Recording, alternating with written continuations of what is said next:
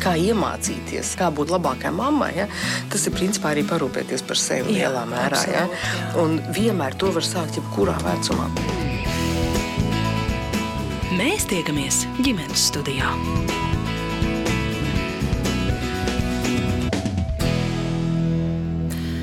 Jā, laba diena! Priecājos sveicināt jūs visus ģimenes studijas klausītājus. Mans vārds ir Agnese Linka, un šī raidījuma producente ir Ilze Zvaigzne. Un šodien, nu, gandrīz gada pēdējā dienā, mēs laužam piekdienu tradīciju portretēt eh, kādu ģimeni, bet tā vietā, kā jau Gadu mijai piedienu mēs gribam atskatīties uz aizvadīto 2022. un šo atskatu veltīt tām jomām, kas ir ģimenei tās pašas būtiskākās, proti, veselība, izglītība un neizbēgami arī sociāla-ekonomiskie jautājumi. Kādas tad ir bijušas, nu, teiksim, gada tendences, prieki, sarūktinājumi, problēmas vai pārsteigumi. To apspriest un par to diskutēt mēs šodien ģimenes studijā esam aicinājuši organizācijas Ziedot LV vadītāju Rūtu Dimantu. Labdien! Labdien! Arī dzene pedagogs draudzīgā aicinājuma Cēsu valsts ģimnāzijas direktors Oskars Kaulēns kopā ar mums ģimenes studijā. Sveiks! Labdien! Un arī pediatra un bērnu klīniskās universitātes slimnīcas virsārste Renāte Snipe pievienojas mums šodien telefoniski. Labdien, Renāte! Labdien! Jā. Un paldies jums visiem, kas esat piekrituši šai starpsvētku laikā veltīt savu uzmanību un laiku ģimenes studijai un mūsu klausītājiem. Un klausītājiem es šoreiz piekodināšu nebrīnieties, ka mums te fonā varbūt iešķindēsies kāda tasīte vai karotīte iedziedāsies, jo šoreiz mēs sarunu mēģinājām organizēt tādā nedaudz brīvākā, omulīgākā atmosfērā kā citkārt ar kafiju, cepumiem un zefīriem, kā nekā ir gandrīz svētku vakars. Jā. Tas, ar ko es gribētu sākt šo sarunu, ka jūs tā vispārīgi izstāstītu, kas varbūt ir tās lielākās izmaiņas vai svarīgākās tendences, vai varbūt tāda ir tikai viena jūsu pārstāvētajā nozarē. Un es eh, skatos šobrīd uz rūtu, un um, jums arī piedāvāšu sākt. Kāds šis gads kopumā pārskatot eh, jūsu darba laukā ir bijis? Nu, šis gads mums visiem, es domāju, pilnīgi visās jomās ir bijis um, trauksmains, um, jo 24. februāris iz, ir izmainījis visu pasaules kārtību, tā skaitā arī Latvijas ikdienu. Un, tas, ka mums netālu notiek karš un ka Latvijā ir tik daudz kara bēgļu no Ukrainas un ka ir energo krīze, neziņa un izaicinājumi, tas šo gadu ir padarījis tādu trauksmainu. Protams, arī šis gads man liekas, ir trauksmains bijis tāpēc, ka mums ir bijis saimnes vēlēšanas, un mēs esam sagaidījuši jaunu valdību un jaunu solījumus. Es teiktu, jā, ka tas ir diemžēl man un, un maniem tuvajiem pagājis kara zīmē. Tas nes arī kaut kādas labas atziņas par sabiedrību, par tās spēju solidarizēties, bet kopumā es teiktu, ka es negribētu, ka tas gads šādi būtu noritējis. Vai var lūgt arī nedaudz ieskicēt, kā tas ir izmainījis jūsu darba ikdienu? Nu, labdarības organizācijas Ziedot LV faktiski paralēli tam, ko mēs ikdienā darām. Tātad palīdzam gan sociālā jomā veciem cilvēkiem, ģimenēm, bērniem, apmaksājam pieaugušiem veselības aprūpi.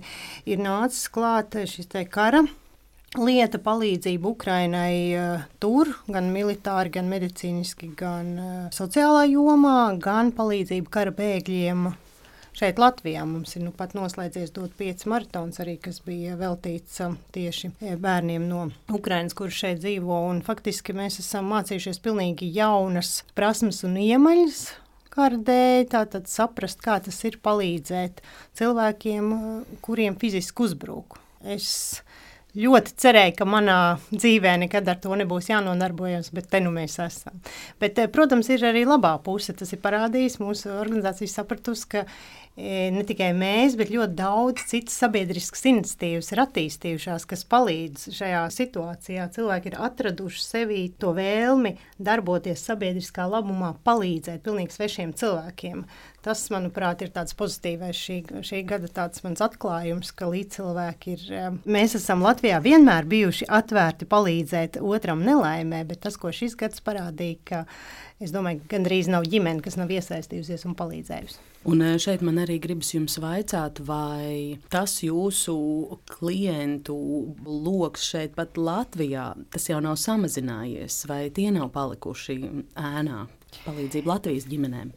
Jā, ir pārsteidzoši, ka skatoties uz gadu, var teikt, ka Latvijas cilvēkiem ir palīdzēts pat vairāk no sabiedrības nekā pirms gada. Tas nozīmē, ka tādās nu, eksistenciālās situācijās, kad tu saproti, ka nekas šai dzīvē nav garantēts un pat drošība un miers nav garantēts, saproti, ka ir jābūt sociāli aktīviem un jāpalīdz. Un tas ir tāds pozitīvais, ka mēs esam spējuši gan saņemt ziedojumus, tātad cilvēki ziedojuši, gan palīdzēt vairāk nekā iepriekš arī vietējiem cilvēkiem. Un tuvu miljonus eiro ir onkoloģijas pacientiem. Tātad zāļu apmaksa, dažādi izmeklējumi, pat operācijas. Jā, tā ir milzīga summa. Neskatoties to, ka it kā saka, ka viss aiziet Ukrainai vai jā, jā. ka ir energokrīze.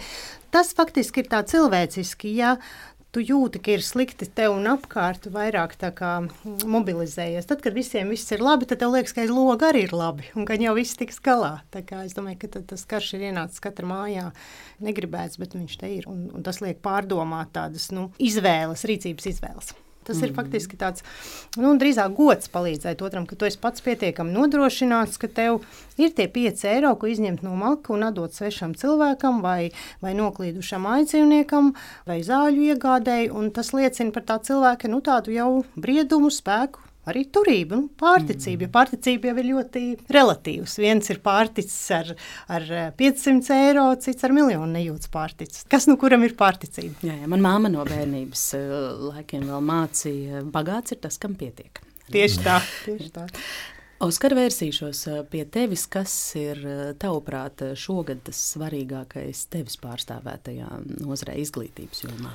Droši vien, ka tādu vienu vai, vai tikai atsevišķas lietas ir, ir, ir grūti nu, izcelt. Es piekrītu tam, ko Rūta saka par, par kara kontekstu. Jo skaidrs, ka arī skolām ir jāskarās ar tādām ļoti, ļoti praktiskām lietām. Ja mums uh, kopumā izglītības sistēmā ir ļoti daudz ukrāņu bērnu, līdz ar to skolotājiem ir, ir jāsaprot un jādomā, kādā veidā šos bērnus var uh, atbalstīt. Ne tikai tajā, ka saturs jāmācās, bet arī kā viņi jūtās, ja aizbēguši projām no savas, no savas dzimtenes.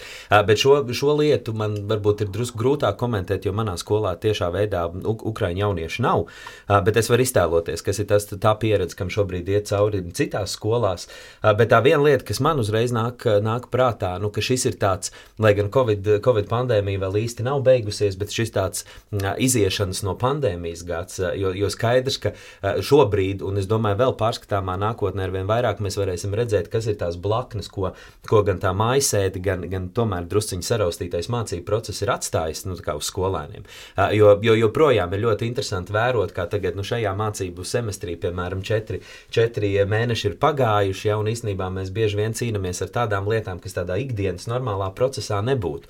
Nu, ka jaunieši ir, ir jāieliek atpakaļ rāmjos, ir kaut kādas konkrētas robežas.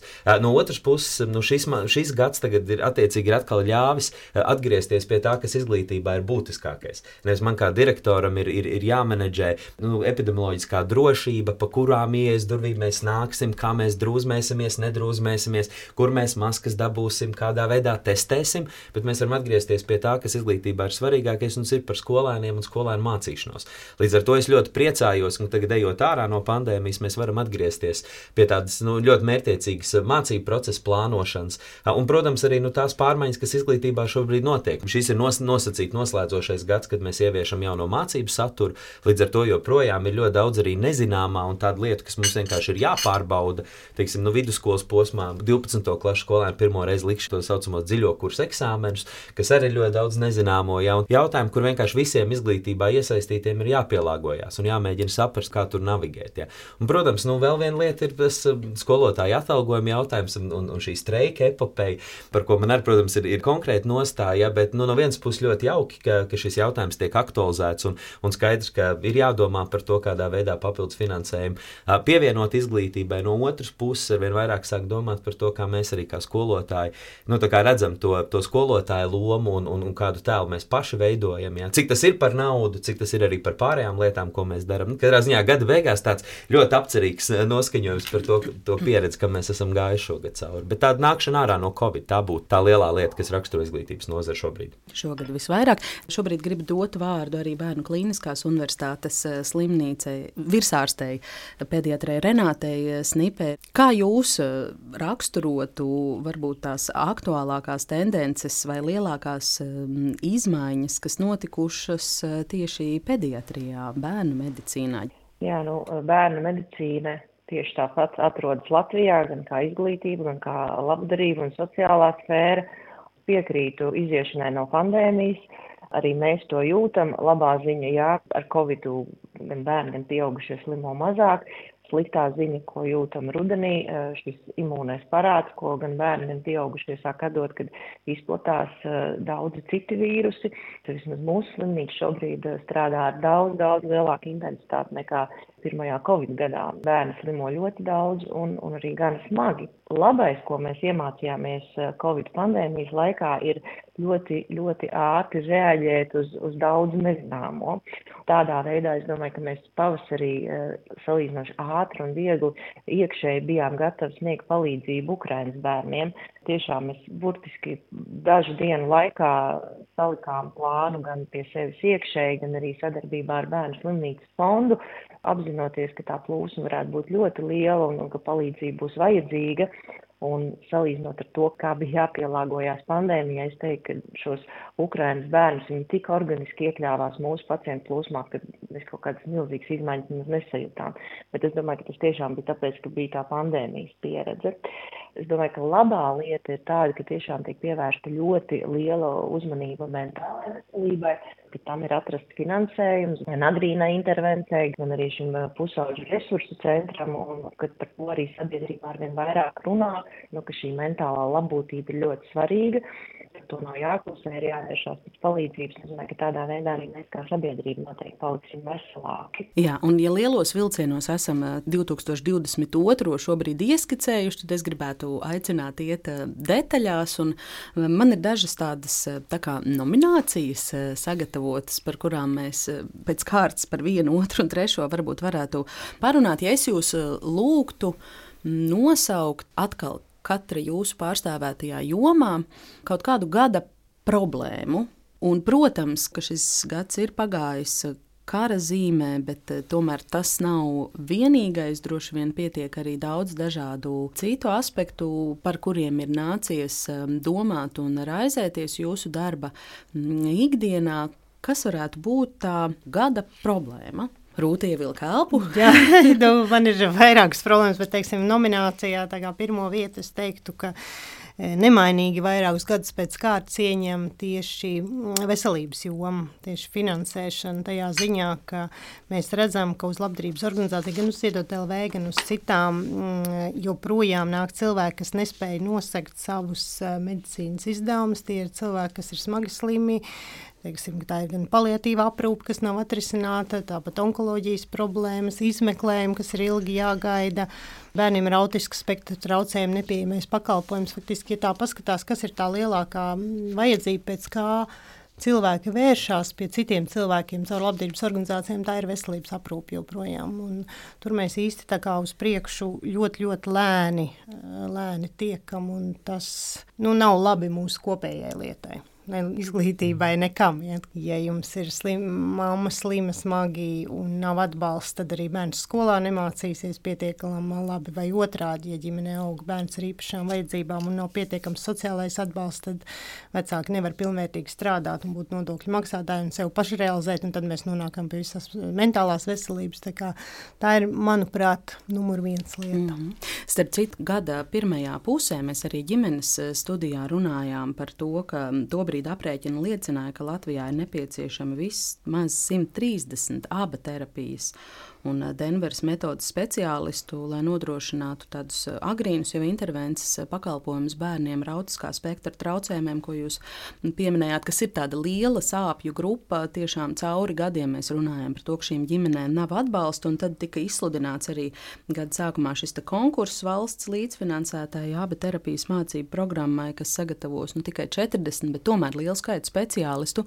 Varbūt jūs zināt, kā virzās progress šajā lietā vai kaut kas kas ir pakustējies uz priekšu. Renāta arī pēc tam varēs Jā, šo nu, pakomentēt. Medicīna ir tā lieta, kur, protams, nauda ir vajadzīga, bet ar naudu nevar izdarīt visu. Ja ir ļoti augsts tā saucamās tās ieiešanas robežas, vai kā to mēs saucam, ka speciālists jāgatavo ilgu laiku. Mēs šodien saprotam, ka mums trūkst vai psihiatri vai ādabu terapeiti, tam paies vairāki gadi, kamēr viņi būs pilnvērtīgi speciālisti. Tas nozīmē, ka šogad tās ģimenes joprojām nevar sagaidīt, un arī nākamgad. Ja mums ir jā, jāskatās uz nākotni, un es esmu priecīga, ka tas tiek sākts, jo faktiski mēs esam pateikuši, ka bērniem veselības aprūpe ir bez maksas, bet, ja jūs bērniņam ir autisks spektra traucējumi, diemžēl tas jums nav bez maksas. Viss kā, ir par maksu. Tas jā, ir tā kā, jā, nepareizā diagnoze, ģimenes jūtas ļoti netaisnīgi. Ja ir kustība traucējumi, jūs valsts apmaksā rehabilitāciju, bet, ja ir autisks spektra traucējumi, tad neapmaksā. Un tā ir tā viena no nevienlīdzībām, kas ir jānovērš. Mm. Tas nāk lēni, protams, nav tik daudz speciālistu, un viņus jau nevar aiziet veiklā un nopirkt. Un tā ir tā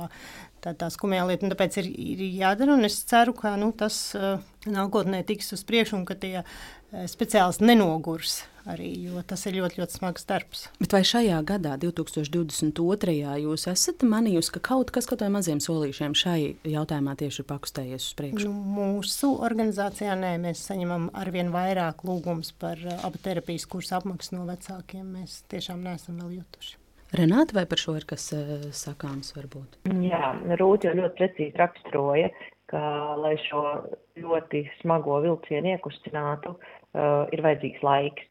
Un uh, šobrīd bērnu slimnīcā ir izveidota agrīnās intervences komanda. Uh, šie cilvēki jau savām pamatzināšanām papildus mācās vēl, vēl uh, papildus dažādas lietas. Un šobrīd uh, tiek sniegta palīdzība 30 ģimenēm, Un ir jācer, ka nu, būs tā kapacitāte sniegt palīdzību. Tas ir piliens jūrā, es saprotu, un es ceru, ka mēs spēsim kāpināt kapacitāti sniegt uh, arvien lielākam skaitam uh, ģimeņu palīdzību.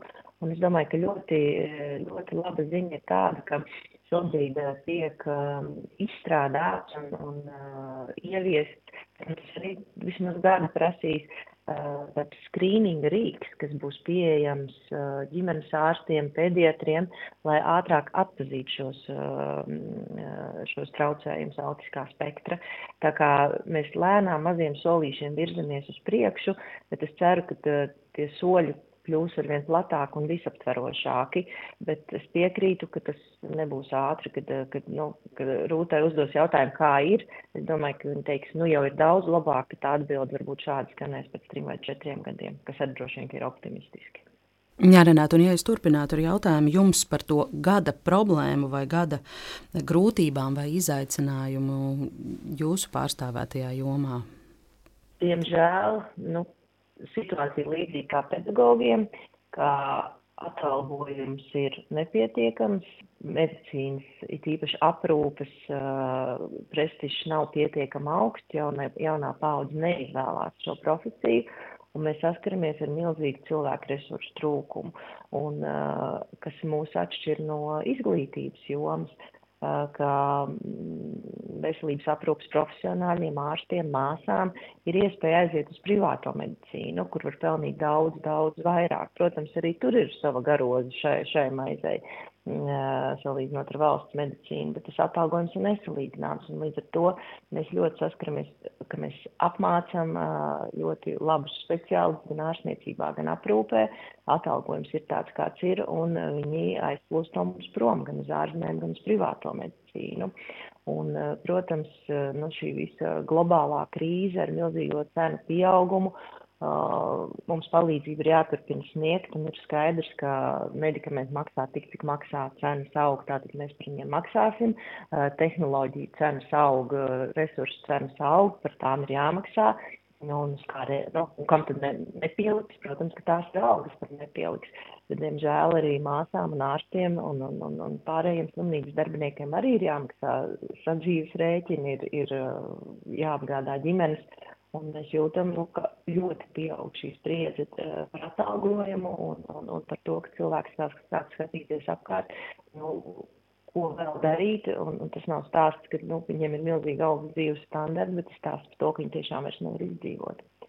Un uh, vēl es domāju, tā ir problēma, un tā nav tikai šī gada problēma. Es viņu neredzu tajā atrisinājumu, ka medicīna straujiem soļiem attīstās, Un ir daudz dažādas diagnozes, kas kādreiz varbūt bija pilnīgi bezcerīgas un fatālas, bet šobrīd tās ir ārstējamas. Gan retās slimības, gan onkoloģiskās saslimšanas. Tās ir ārstējamas, bet uh, medikamentu izmaksas ir milzīgas. Nu, faktiski cilvēks pats personīgi nu, neviens to nevar atļauties, bet arī no valsts budžeta nu, tā ietekme ir, ir milzīga. Ja, teiksim, retajās slimībās ir, ir, ir slimības, kur viena terapija gadā visu dzīvi cilvēka var maksāt 100 un 200 tūkstošus. Un, un tas īstenībā ir ļoti traģiski. No vienas puses mēs zinām, ka var nodrošināt normālu dzīvi un dzīves kvalitāti, bet tā summa ir tāda, kāda ir. Tā kā to mēs arī saskatām kā lielu problēmu. Mm, Oskar? Ja es vaicātu tev par uh, gada ķibeli, gada problēmu, gada grūtībām, tev tavā darbā? Es domāju, ka ļoti līdzīgi kā, kā medicīnā, tā mana nominācija ir gada no gada, vismaz tik ilgi, kamēr es esmu direktors, un šis ir trešais gads, es, tā ir viena un tā pati lieta, un es teiktu, ka tas ir atbalsts trūkums, kas noved pie izdegšanas.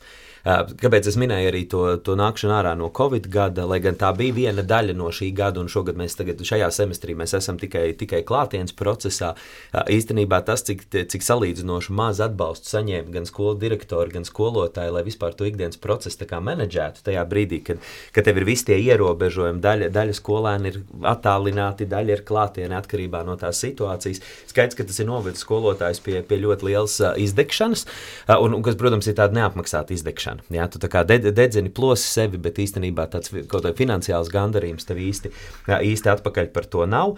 Bet otrs atbalsta trūkums, es pieminēju arī šo izglītības reformu, kurai mēs ejam cauri, un es tiešām saturiski viņai ļoti ticu, bet tas, ko ļoti daudz arī skolotāju auditorijā un skolu vadība auditorijā var dzirdēt par to, ka vienkārši pietrūkst tāda metodiskā pārdomāta atbalsta, lai varētu visu šīs brīnišķīgās pārmaiņas ieviest. Ka skolotājiem pašiem ļoti daudz ir jāplāno, jā, jāgatavo materiāli, tur, kur būtu normāli, kad nu, valsts, valsts iedod vai pasaka priekšā, kādā veidā to darīt. Un tas vienkārši nodedzina to profesionālo resursu, ko mēs varētu veltīt ikdienā strādājot ar skolēniem, atbalstot skolēnus ar dažādām mācīšanās vajadzībām, palīdzot viņiem nu, izdarīt to, ko mācību, mācību programma sagaida.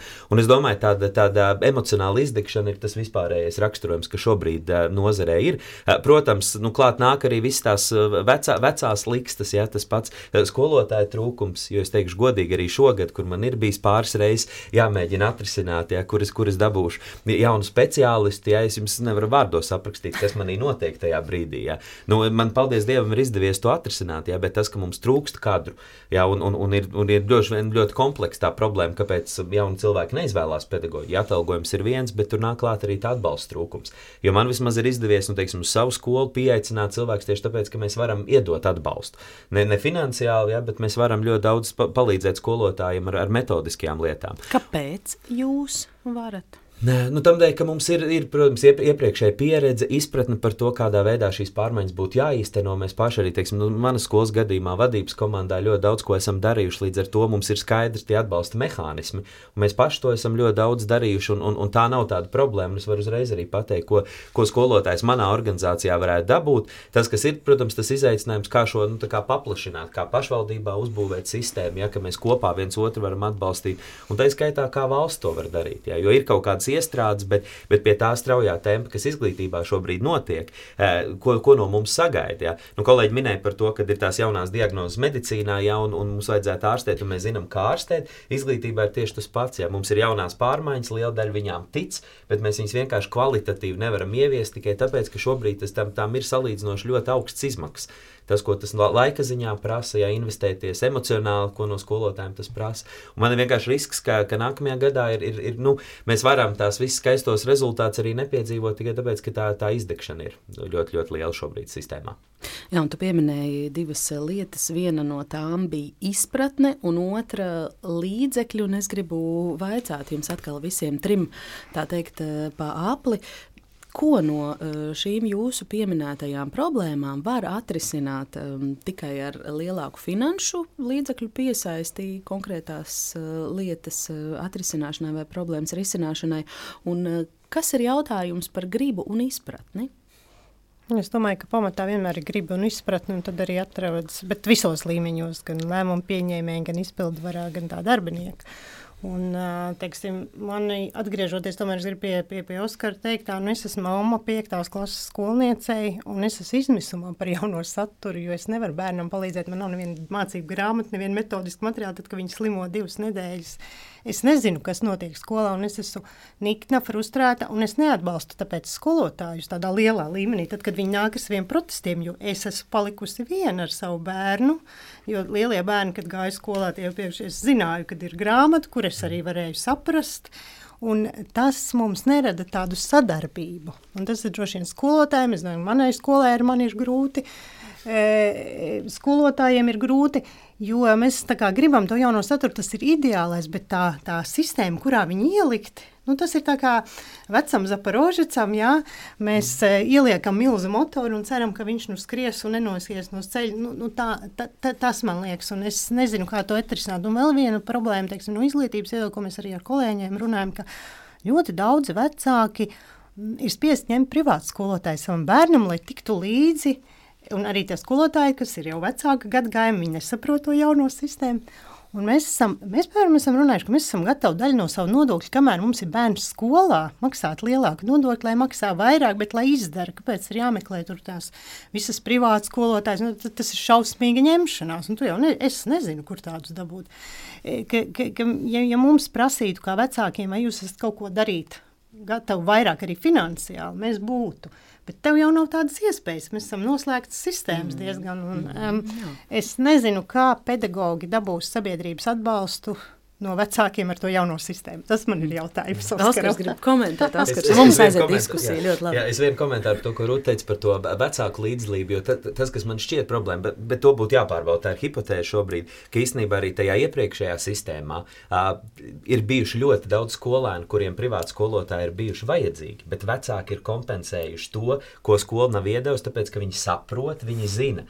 Tagad šobrīd tā vajadzība, piemēram, jauns saturs, jaunas pārmaiņas, vecāki nezina, un tagad tā vajadzība ir tieši tikpat aktuāla. Tikai mums ir jāmeklē ārējie resursi, jo mūsu pašu mācīšanās pieredzē nav tas, ko šobrīd no skolēniem prasa. Un tas ir, protams, viens no tiem jautājumiem arī par to, cik, cik tādus fleksiblus, ātri pārmaiņām pielāgojušos skolotājus mēs varam dabūt iekšā sistēmā. Jo tas nav tikai stāsts, protams, par to, ka skolotāji ļoti ilgstoši strādā, ir pieraduši pie vienas vai otras pieejas. Tas vairāk ir par to, nu, kāds ir, kāda ir tā mūsu domāšanas paradigma. Vai mēs varam sevi pielāgot, ja nu, sabiedrība ir dinamiska, pārmaiņas notiek ļoti strauji, un es teiktu, ka tā atslēgas lieta ir tas skolotājs. Starp jauno saturu un to, kā tas nonāk līdz skolēnam un vecākiem, pa vidu ir tas pieaugušais, kurš vai nu spēj un grib un prot, vai tieši pretēji nu, nobloķē nointerpretē ne tā, un vecāki dabū tās interpretācijas rezultātu. Bet atbildot uh, uz tavu, uz tavu jautājumu par uh, par to, kas tad būtu prioritāri un lai cik jocīgi tas skanētu, bet es piekrītu tam, ko Rūta saka, ka tā griba un tā izpratne ir, ir primārais. Jo tas, kam es ļoti svēti neticu, es, es esmu ļoti bijis arī skeptisks tajā brīdī, kad, kad liek pievieno finansējumu atalgojumam un saka, visiem mēs vienādi paaugstināsim. Es esmu mācījis tik daudz skolotājus Latvijā, arī savus skolotājus un vēl vis kaut kur pabijis. Es vienkārši neticu, ka tad, ja mēs par vāju izpildījumu maksāsim vairāk, ka tāpēc cilvēks darīs labāk.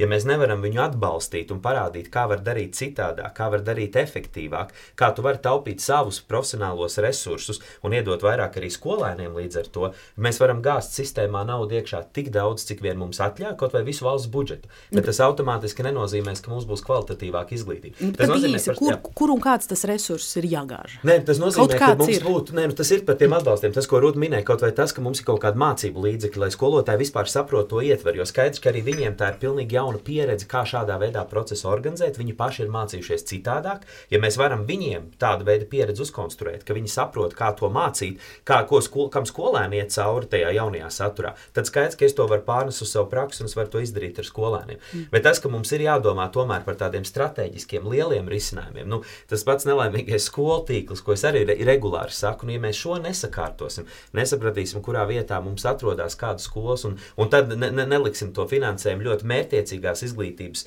struktūrās, tad mēs, mēs, mēs nekādas fundamentālas pārmaiņas izglītības kvalitātes jomā nevarēsim panākt. Tā gan man ir svēta pārliecība.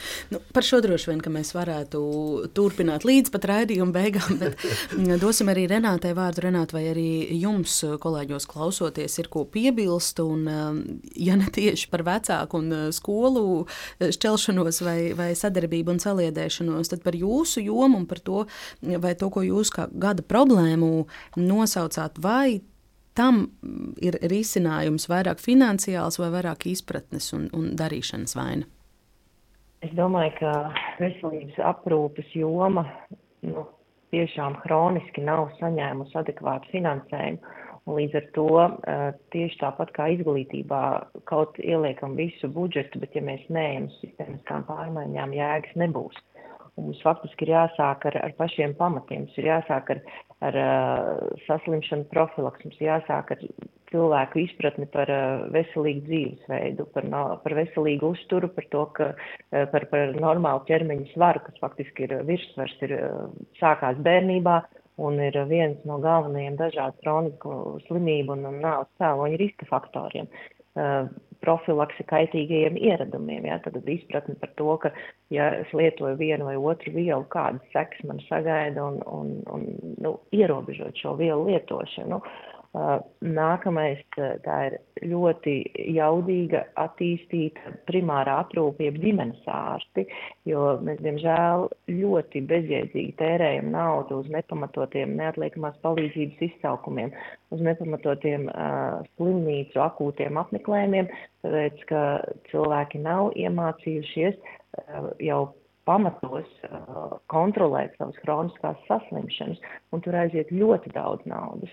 Un līdz ar to, ja mēs šo visu jau pamatos sakārtot, tad mums, un, protams, būtu adekvāts finansējums, nu, kas ir vismaz 8% no IKP, vismaz, ja, tad noteikti mums arī atrastos gan laiks, gan nauda jau, jau šīm nu, jau ekskluzīvākām un dārgākām lietām.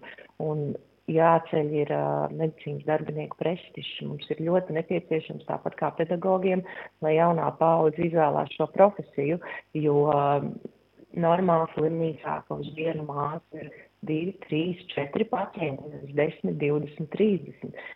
Ja ir tāds skaits pacientu uz vienu māsu, nav iespējams kvalitatīvi veikt darbu un nav iespējams neizdegt. Tā kā mums noteikti ir vajadzīgs nu, ļoti, ļoti plašas uh, pārmaiņas un, un, un tam, diemžēl, vajag adekvātu finansējumu. Un sākot šīs pārmaiņas, uh, tas efekts būs atkal jūtams pēc gadiem. Tas nebūs ne rīt, ne parīt, ne nākošais gads. Tiešām ir ļoti fundamentāli uh, jāmainās, lai Latvijas sabiedrība kļūtu veselāka.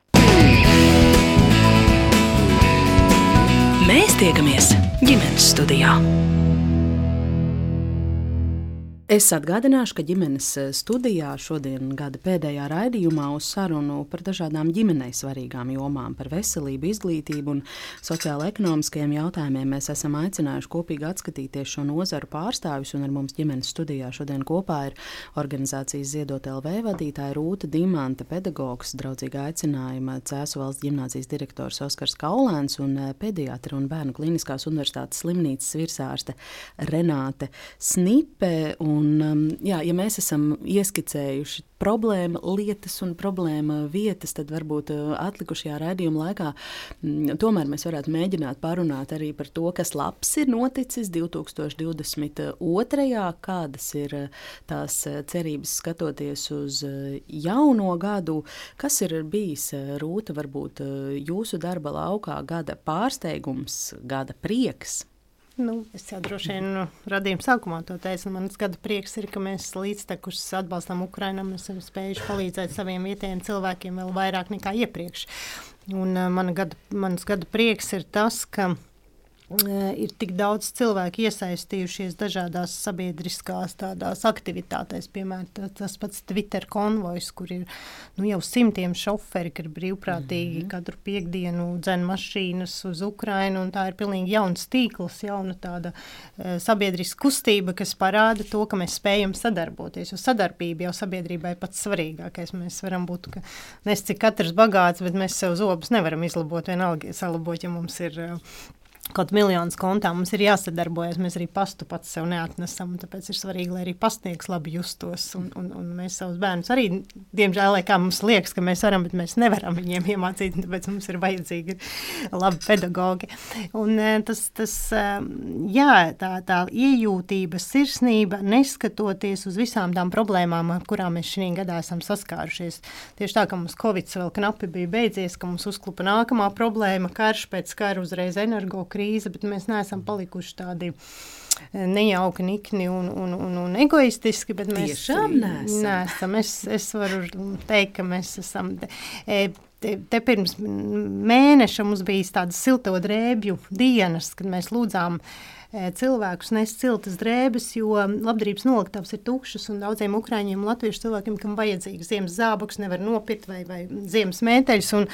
Jūs nevarat iedomāties, ka uh, divi ar pus dienās, kur mēs bijām trijās lielveikalos Rīgās, mums bija pusotra fūre saziedot ar cilvēku mantām, tiešām ļoti labām mantām. Un, un tad viena sieviete atnesa ļoti dārgu dabisku ūdeļādas kažoku un teica tā, jūs noziedojat, nu, viņš bija maza izmēra, maz, mazai ukraiņu sievietei, un pēc tam pavasarī, lai viņa pārdod viņu, un viņai būs nauda. Mm. Nu, tā izpratne nevis, ka tu noziedo kaut kādam, vienkārši tas, kas tev nevajag, vai tu kā, ar saviem nosacījumiem tādiem stingriem, ka tikai nepārdod vai ko, bet ka tu saproti pēc būtības, ka tu palīdzi, nu, tāpēc, ka tur ir, lai tam cilvēkiem ir labāk. Yeah.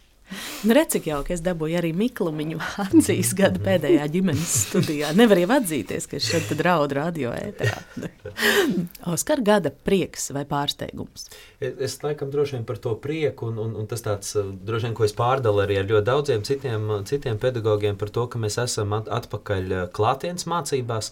Ne tāpēc, ka klātiene ir automātiski kaut kas labāks nekā, ko mēs varējām, teiksim, attālinātajā procesā izveikt, bet, bet tāpēc, ka mēs varam atkal, nu, tā kā visi ko, kopā, skolēni, skolotāji, vecāki, nu, sarunāties eh, par, par to izglītības prioritāti, nu, par to, ka tā ir mācīšanās, un tas nav tikai par to, ka mēs tur mācāmies jaunu saturu, jaunas prasmes, ko katrs priekšmets nosaka, bet tur ir ļoti daudz tās socializācijas, tās grūti tveramās lietas, vērtību lietas, ko es, esot kaut kur distancē, kaut vai fiziski kā telpā, bet ar distanci ir ļoti, ļoti grūti iedzīvināt. Ja? Un par to man ir prieks, ka, ka tas, tas primārais jautājums, par ko ir izglītība, par ko ir mācīšanās, viņš atkal ir dienas kārtībā, un mēs neesam, ne, neesam aizgājuši pilnīgi tikai nu, risināt tādas tehniskas lietas par to, kā būt drošiem vai, vai nu, to epidemo, epidemioloģiju, bet, bet runāt par to, kas tiešām ir svarīgākais. Par to es ļoti, ļoti priecājos. Mm.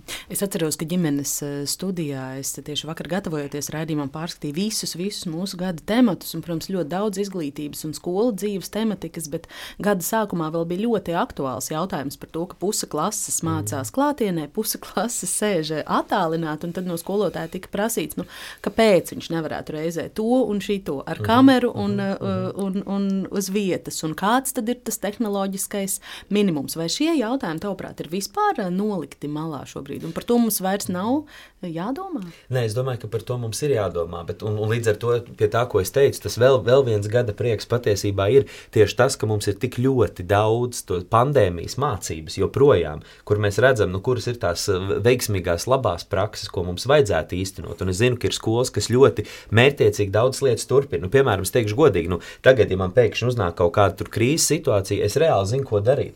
Jā, tie, tie mācīsies tā, tie mācīsies tā, nu tā fleksibilitāte, kas ir iegūta arī sistēmā un, un teiksim, arī skolotājos un skolu vadītājos, man liekas, ir ārkārtīgi būtiski. Un tikai tagad mēs varam to reāli novērtēt. Tāpēc tas ir šī gada prieks, ja, jo mēs sākam, sākam nu, saprast, kas ir tā vērtīgākā mācība no, no, no tā iepriekšējā perioda skaitā arī no šī gada. Nu, tieši tā kā nu pat bija pirms mēneša vai nedaudz vairāk ieputinātajā kurzemē, ja? mm. tālsos hops, kuldīgā. Mm -hmm. Divas dienas tagad visi mm -hmm. sēžam, katrs mm -hmm. savā sunu ciemā mācāmies attālināt. Mm -hmm. Jā, mēs varam to izveikt. Tas, tas, protams, ir jautājums par to, cik kvalitatīvi un kā, kā to kvalitāti noturēt. Ja? Bet tas, ka mums ir tā pieredze un nevienam vairs nav šoka terapija, ka pēkšņi kā tas tagad notiks, ja skolotāji arī zina, ja? tā kā, tādā ziņā tas ir, ir, ir prieks. Ja? Bet, protams, un prieks ir arī par to, ka mēs redzam tās, nu, tās problēmas, ar kurām mums būtu jātiek galā. Ja? Par to, kā notiek saziņas starp skolu un skolēniem, starp vecākiem, cik vecāki ir informēti ja? par to, kā, kā nu, skolu dibinātāji, pašvaldība, valsts institūcijas komunicē ar skolām. Ja? Tās, ieraudzīt tās problēmas nu, tā uz galda un sākt ar viņām operēt, nu, tas ir pirmais solis, lai mēs viņus varētu arī atrisināt. Par to es ļoti priecājos, ka tas ir, ir bijis un to mēs tagad redzam. Renāte? Jūsu un bērnu slimnīcas eh, gada prieks, gada izdošanās, gada pārsteigums. Jā, teksts sastāv no daudziem maziem un varbūt ne tik maziem prieciņiem. Uh, pavasarī mēs tiešām bijām ļoti priecīgi, ka darbu beidzot uzsāka mātes piena banka, kas ir uh, domāta īpaši dziļi neiznestiem jaundzimušajiem. Tas bija projekts, ko mēs virzījām vairākus gadus, un, un uh, pateicoties gan ziedotāju atbalstam, gan, gan beidzot arī valsts atrada finansējumu uzturēšanai, tad beidzot arī Latvija vairs nav gan arī vienīgā valsts Eiropā, kurā nav šī piena banka. Tā kā tas, tas bija ilgs process, prasīja daudz laika un enerģijas, bet nu, tas ir un mēs esam ļoti priecīgi. Jā, ģimenes studijā mēs arī ar jums priecājāmies līdzi par šo. Jā, e, tā kā e, tad ir portāls Vesela pasaule, kurā iesaistījās, nu, te jau ik viens e, slimnīcas ārsts un ne tikai kas ir eh, daļa no slimnīcas ekosistēmas, eh, jo mēs tā kā plānojam būt ļoti digitalizēti, būt digitāli saistīti ar saviem pacientiem. Un vesela pasaule uh, nozīmē, ka pacientu vecāki var atrast latviski uh, skaidru un uzticamu informāciju par dažādām bērnu veselības problēmām un, un arī nu, par, par veselīgiem paradumiem. Uh, šis proje, nu, šis, šis portāls droši vien tāpat kā Rīga nekad nebūs gatavs, un mēs, mēs turpinam pie tā strādāt, uh, bet mēs tiešām aicinam vecākiem visus jautājumus par savu bērnu veselību meklēt, atbildes uz jautājumiem meklēt tur, jo, nu, autori ir bērnu slimnīcas ārsti, un mēs tiešām uzņemamies pilnu atbildību par saturu un par to, ka tam var ticēt. Tad mēs Šogad turpinām ļoti intensīvi attīstīt visu, kas saistās ar pozitīvu pacientu pieredzi slimnīcā. Mums bija pacientu pieredzes konference, kurā mēs ļoti plaši tālāk arī pārējais, gan medicīnas, gan pārējai sabiedrībai izstāstījām, kāpēc tas ir svarīgi un, un, un kāpēc nu, pie šīs pozitīvās pacientu pieredzes ir jāstrādā. Mēs turpinam dažādus pasākumus, kas uh, mazina bailes pie mums uh, bērniem slimnīcā, gan ar virtuālo realitāti, uh, gan ar nu, teiksim, bērniem ļoti draudzīgām un, un skaistām telpām. Mūsu šī rudens lielais prieks ir um, Lāču māja, jeb jaunais dienas stacionārs. Tās telpas tiešām ir tik skaistas un brīnišķīgas, ka bērni no tām izjūta. Dienas stacionārs nozīmē, ka bērns no rīta atnāk un vakarā tā kā dodas mājās. Ir tā, ka, ka daudz bērnu nemaz negrib doties mājās, ka viņiem ļoti tur patīk, un ir bērni, kuriem tur nemaz nav jābūt, viņi iet garām un redz pa logu, cik tur ir skaisti un vēlās tik tur iekšā, kaut gan viņiem tas nemaz nav vajadzīgs. Tā kā es domāju, ka tas vien jau ir stāsts par to, cik nu, šis kopdarbs ar arhitektiem, ar, ar dizaineriem ir izdevies, un, un ka bērni tiešām šo nu, uzturēšanos slimnīcā vairs uh, neuztver ar bailēm. Uh, visu gadu, un mēs arī to turpināsim darīt, uh, mēs saviem darbiniekiem mācām par empātisku komunikāciju, un es ļoti ceru, ka arī mūsu pacienti vecāki to sajūt, nu, ka, ka mēs kā slimnīca nu, kļūstam ar vien iejūtīgāki un, un, un, un ar vien labāk izprotam jūsu problēmas. Un uh, arī zan, uh, mums ir šis psiholoģiskais atbalsts darbiniekiem, jo mēs saprotam, ka šis darbs ir ļoti izdedzinošs un ik viens darbinieks, nu, vis, visa gada garumā, un es arī uz priekšdienām var saņemt šo uh, kvalificēto psiholoģisko palīdzību.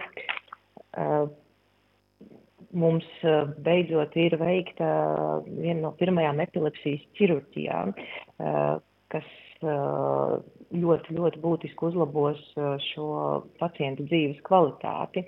Bija unikāls notikums, kas varbūt pieaugušo medicīnā, nu nav gluži ikdiena, bet nu, pieaugušo medicīnā Latvijā to veids. Tā ir ekmo, nu, dzīvību glābjoša manipulācija, bet mūsu gadījumā tas notika jaundzimušam bērniņam sadarbībā ar Zviedrijas Karolīnskas slimnīcu un, un tiešām jaundzimušu bērniņu, kur principā mēs varējām pazaudēt, bet, bet ļoti ātrā laikā tika saorganizēta šī palīdzība Karolīnskā, bērniņš tika aizvests Karolīnsku, saņēma šo ekmo uh, procedūru un tad jau stabilizētā stāvoklī atgriezās Latvijā un šobrīd uh, jācer, ka aug liels un laimīgs.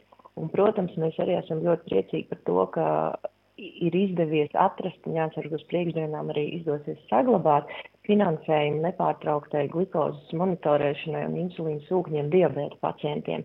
Jo ko tas nozīmē? Tas nozīmē, ka vairāki simti pacientu un viņu ģimeņu var dzīvot ar daudz mierīgāku sirdi. Šie bērni var normāli iet uz bērnu dārzu un iet uz skolu, jo diabetes tā ir hroniska slimība, ar ko nu, ir jāiemācās sadzīvot, un ļoti maziem bērniem tas tiešām ir sarežģīti.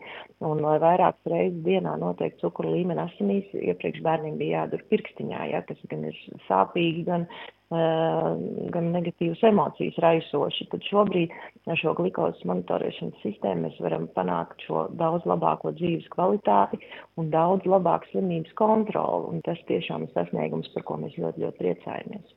Jā, un jūsu uzskaitītajiem es gribētu arī no savas puses, izmantojot dienesta stāvokli, padalīties ar eh, subjektīvu pieredzi un novērojumiem un tiešām eh, teikt lielu, lielu paldies bērnu slimnīcai tieši par to, kas ir izdarīts pacientu labbūtības un, un, un pacientu pieredzes kvalitātes uzlabošanas jomā, jo man ir trīs ļoti aktīvi bērni.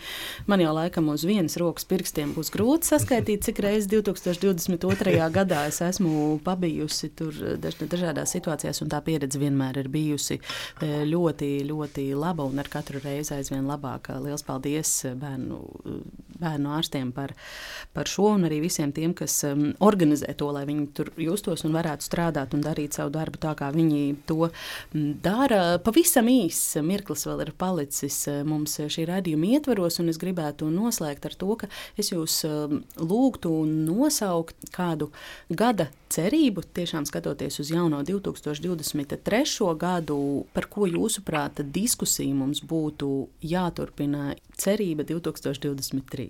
Jā, un es gribētu teikt, ka pirmkārt, laipnība neko nemaksā. Kā mēs dzirdējām, gan no slimnīcas stāstītā, cik tas ir svarīgi, gan no man ir tāds ļoti labs piemērs no skolas. Manā meita mācās Rīgas Valdavas skolā, un tad, kad es biju nikna par to saturu jauno, un es nespēju viņai palīdzēt, un tur dusmojos, un viņa saka mamma, manā skolotāja ir, skolā viss ir tik jauki, pat dežuranti ir jauka.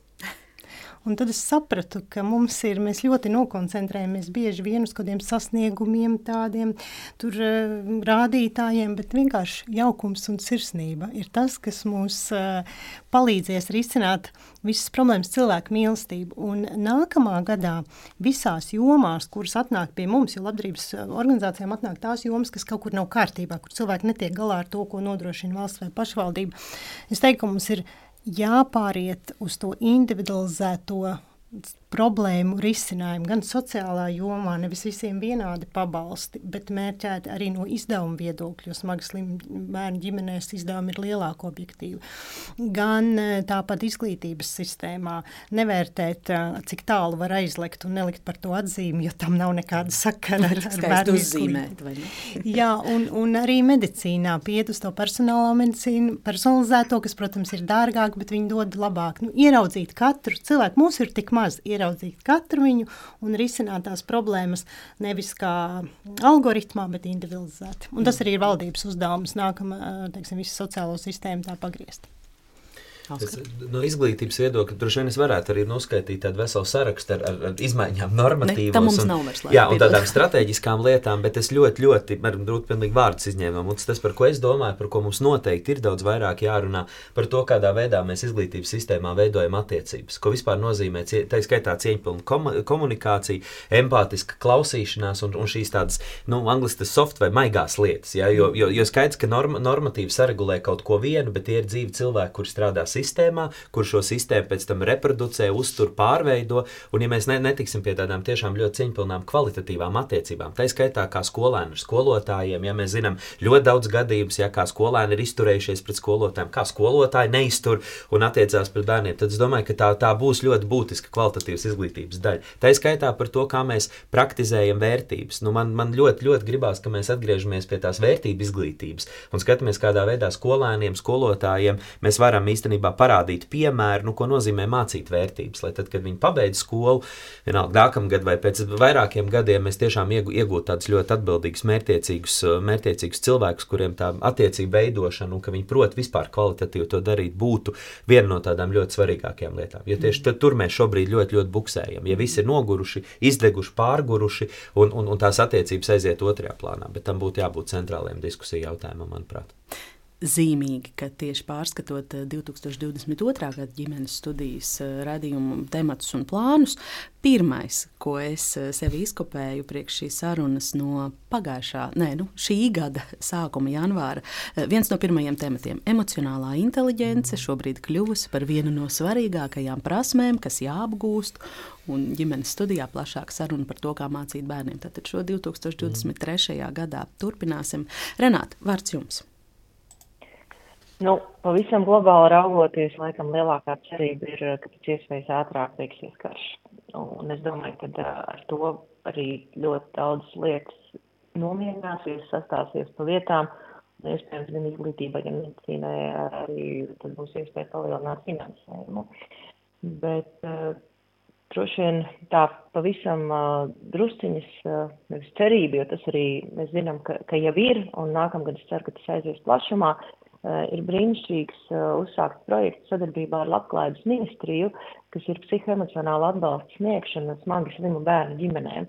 Tāpēc es tiešām aicinu uh, visām ģimenēm, kurās aug bērni ar smagām diagnozēm, vērsties pie sava ārstējošā ārsta bērnu slimnīcā un teikt, jā, mums ir vajadzīgs psihoemocionālais atbalsts, un tad mums ir kārtība, kā Eh, šiem bērniem tālāk jau tiek piesaistīti psihologi, eh, sociālie darbinieki, kur tiešām palīdz gan ar psihoemocionālu atbalstu, gan ar praktiskām lietām.